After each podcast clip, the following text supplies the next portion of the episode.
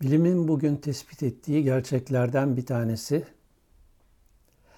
bağırsaklardaki gut brain denen bağırsak beyni milyonlarca nörondan oluşan beyin bağırsak beyni ana beyni etkiliyor. Ana beyindeki hormonal sistemi etkiliyor. Ana beynin çalışma düzenini etkiliyor. Bunun gibi kalp yani yürek dediğimiz yapıda da nöronlar tespit edildi. Bu nöronların işlevi daha henüz bildiğim kadarıyla tam tayin edilmedi. Ama benim kendi düşünsel kanaatim bunların beyinde epifizle muhtemelen ilişkisinin olduğu yönünde. Tabii bu konuda kesin bir şey söylemek mümkün değil. Ama beyin oluşurken ilk anadan doğduğunda sıfır beyin olarak doğuyor ve bütün bilgisini zaman içinde ediniyor. Nitekim Nahl suresi 77. ayetinde Allah sizi analarınızın karnından hiçbir şey bilmez bir halde çıkardı.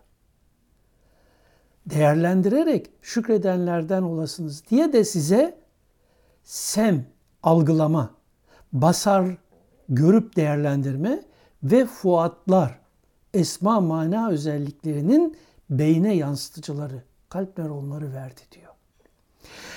Gene Secde suresi 9. ayette sonra onu beyni esma manalarını açığa çıkaracak şekilde tesviye etti.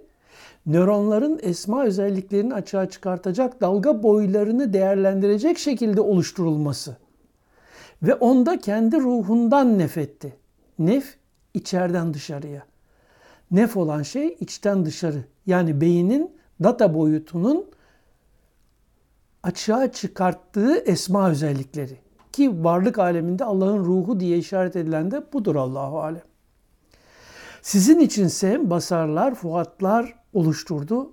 Ne kadar az şükrediyorsunuz.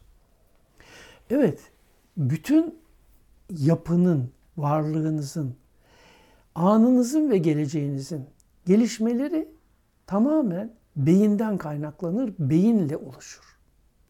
Ve beyin deyince de sadece bunu et beyin olarak değerlendirmeyin. Bunun boyutsal derinliği olarak kuantum beyine kadar gider. Ve bugün beyin kuantum beyin olarak konuşuluyor bilim dünyasında. Şimdi niçin kalp üzerinde fazla durmuyoruz? Kalp nakli yapıldı defalarca. Eğer sizin anladığınız manada kalpte bir özellik olsaydı o kalp nakillerinde o kişilerin tamamen biri gider diğeri gelirdi. Yok böyle bir şey. Kalp nöronlarının